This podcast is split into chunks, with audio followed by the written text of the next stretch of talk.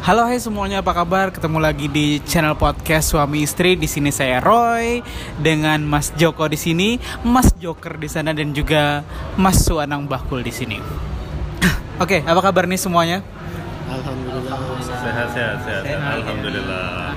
Oke, sekarang kita lagi ngopi ya, santai, nggak usah tegang, relax ya, karena ini merupakan eh, jalan-jalan kita yang kesekian kalinya, cuma baru sempat kita ngumpul bareng dan bikin eh, rekaman podcast di sini. Kita nggak usah sebutkan di mana eh, letaknya, yang pasti kita di suatu tempat lah di Surakarta.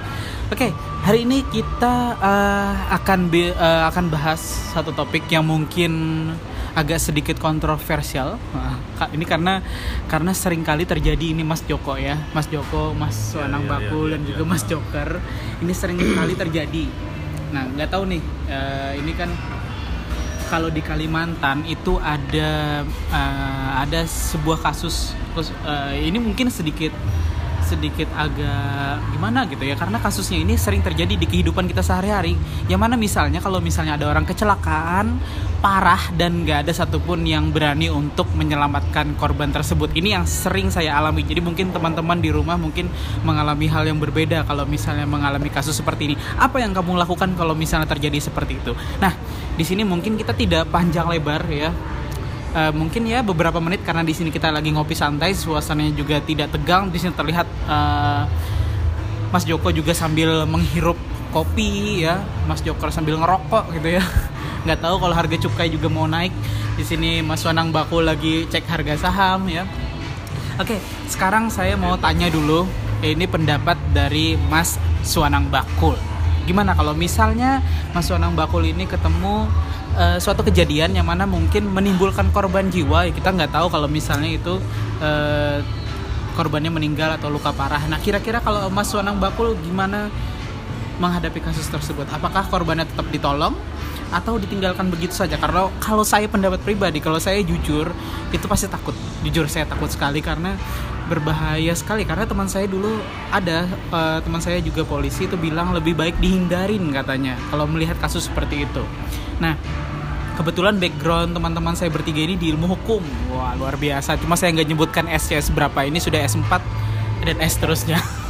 Oke, gimana Mas Anang? Pendapatnya kalau misalnya terjadi hal seperti itu, kalau dilihat boleh dilihat dari perspektif hukum atau secara pribadi juga boleh. Silakan. Iya.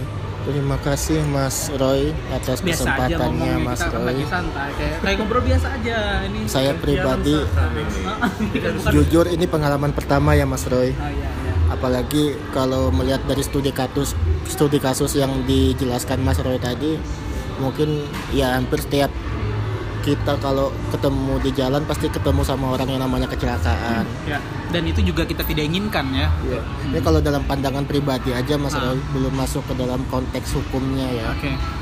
ya kalau dalam pandangan pribadi secara jiwa kemanusiaan saya pribadi ya tentu saya tolong dulu Tolong. iya saya tolong dulu apa pun itu keadaannya mau dia luka parah mau dia cuma lecet doang apa pun nanti mungkin sampai tidak sadar yang penting pertama saya tolong dulu itu jiwa kemanusiaan yang muncul dari saya pribadi Ini boleh saya tembak langsung nggak? Biar sambil kayak ngobrol aja gitu. oke Nah, mas tapi Roy. tapi ada yang bilang bahwa kalau itu terjadinya di tempat sepi.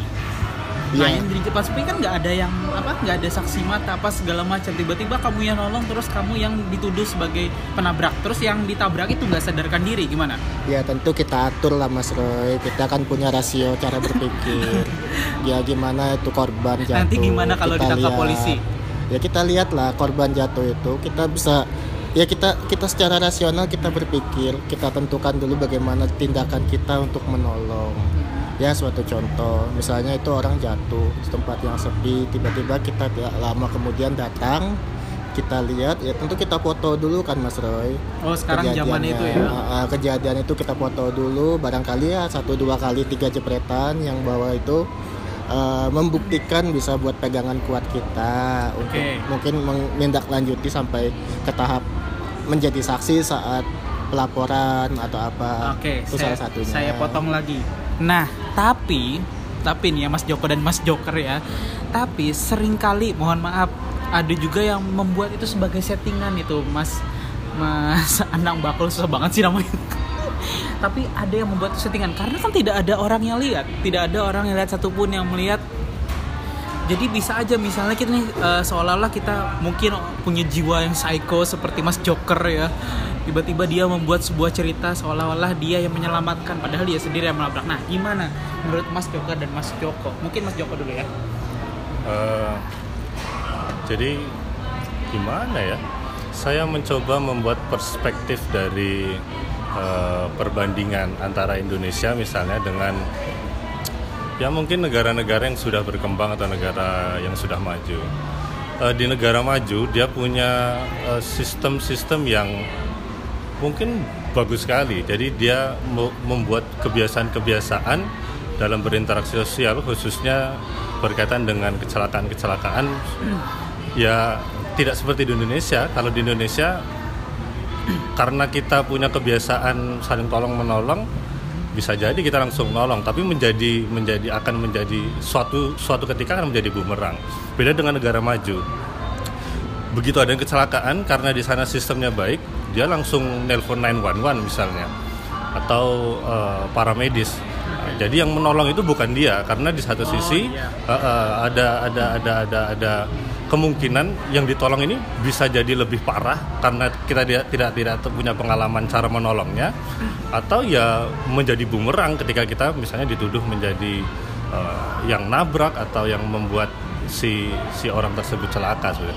Jadi ya mungkin perlu dibuatkan apa ya sebuah cara baru. Ya apalagi sekarang kalau kita lihat di YouTube apa di media sosial banyak orang yang buat konten aneh-aneh. Bisa jadi prank atau bahkan mau ngerjain orang, pura-pura nabrakan kendaraannya atau dirinya.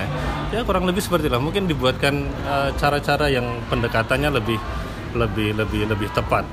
Bisa mungkin apa ya buat buat sistem lah seperti di luar negeri. Begitu call 911 911 udah otomatis Muncul ya? ada paramedis ada ada ada yang menangani langsung.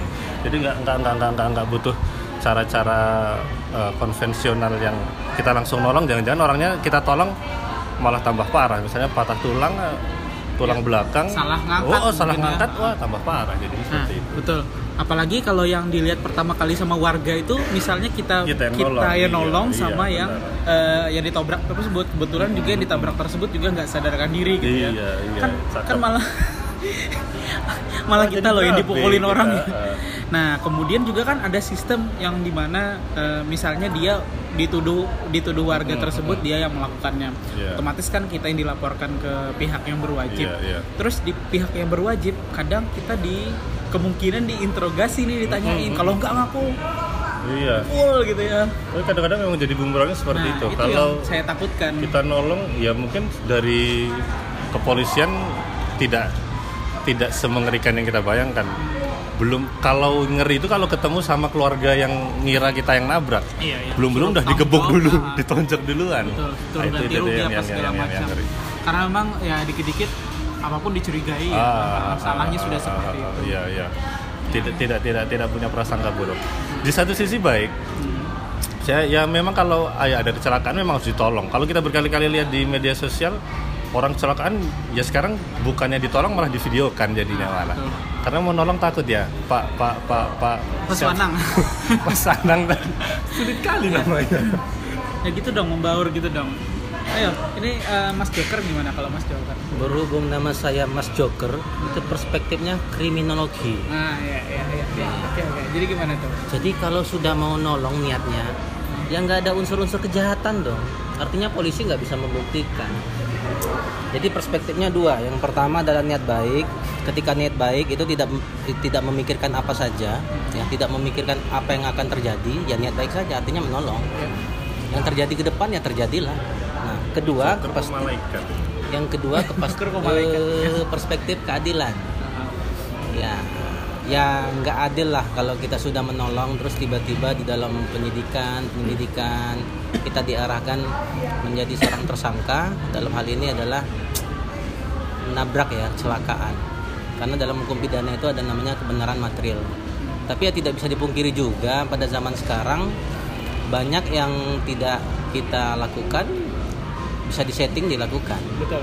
ya. Ya. Nah, eh, dua hal itu memang sus- sulit ya, sulit ketika kita melakukan yang baik terus kita terjebak dalam kondisi bahwa kita disetting seolah-olah melakukan atau sebaliknya. Ya jadi kalau semuanya kembali kepada saya 50-50 juga. Bisa menolong bisa tidak. Jadi hati nurani ya. ya hati nurani.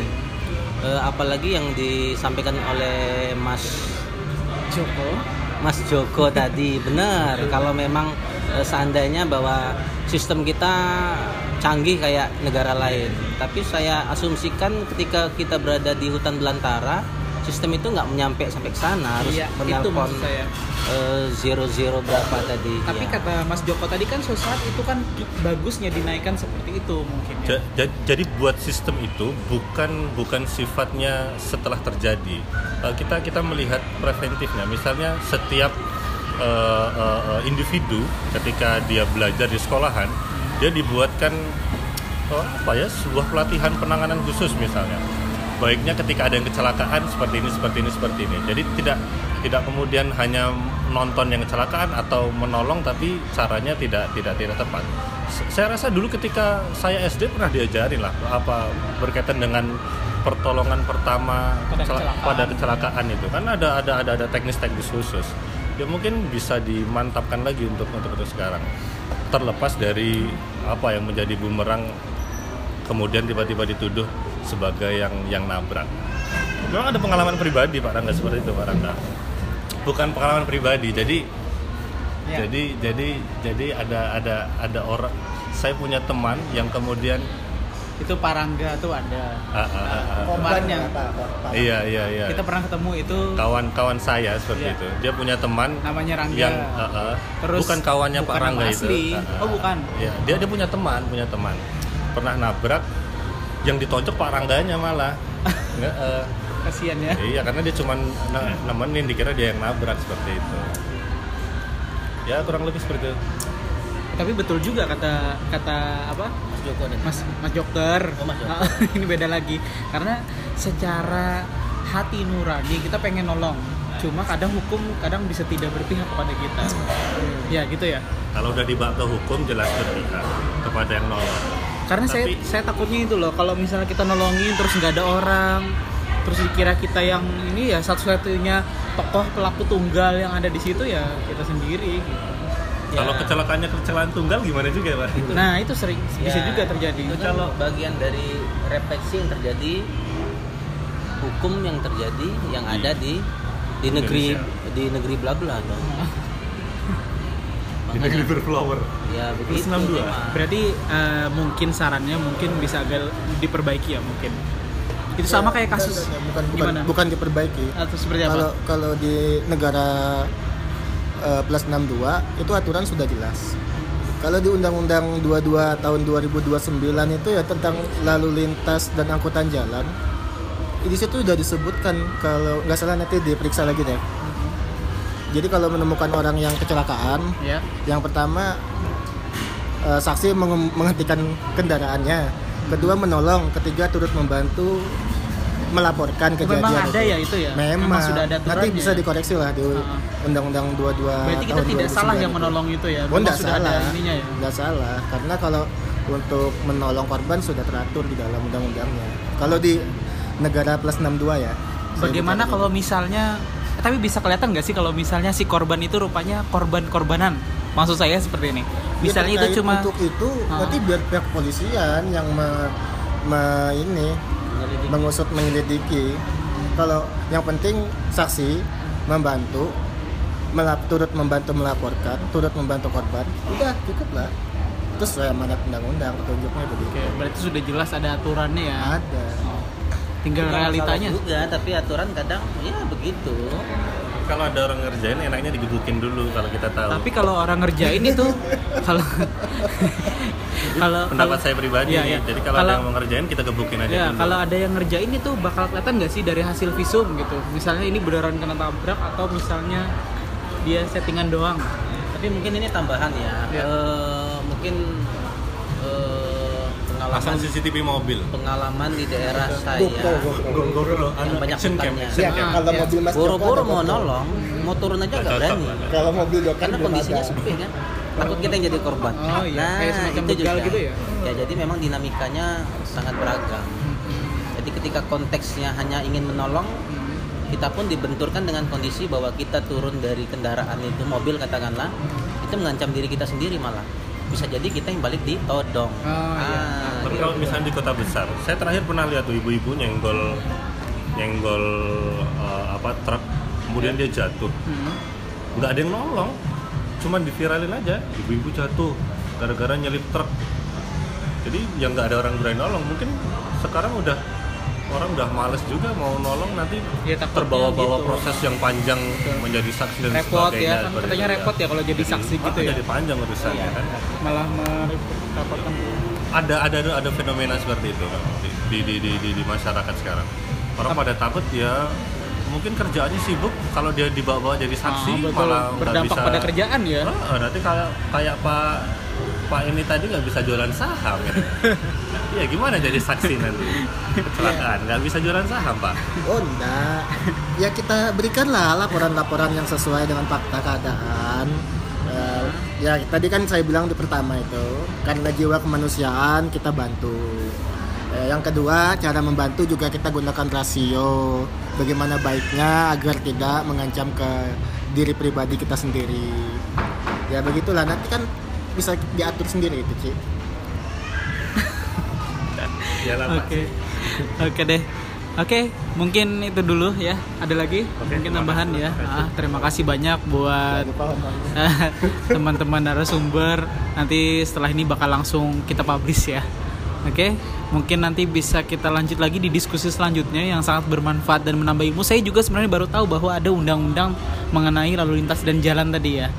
Lalu lintas dan angkutan jalan. Ah, lalu lintas dan angkutan jam, ja, zaman lagi. lalu lintas dan angkutan jalan.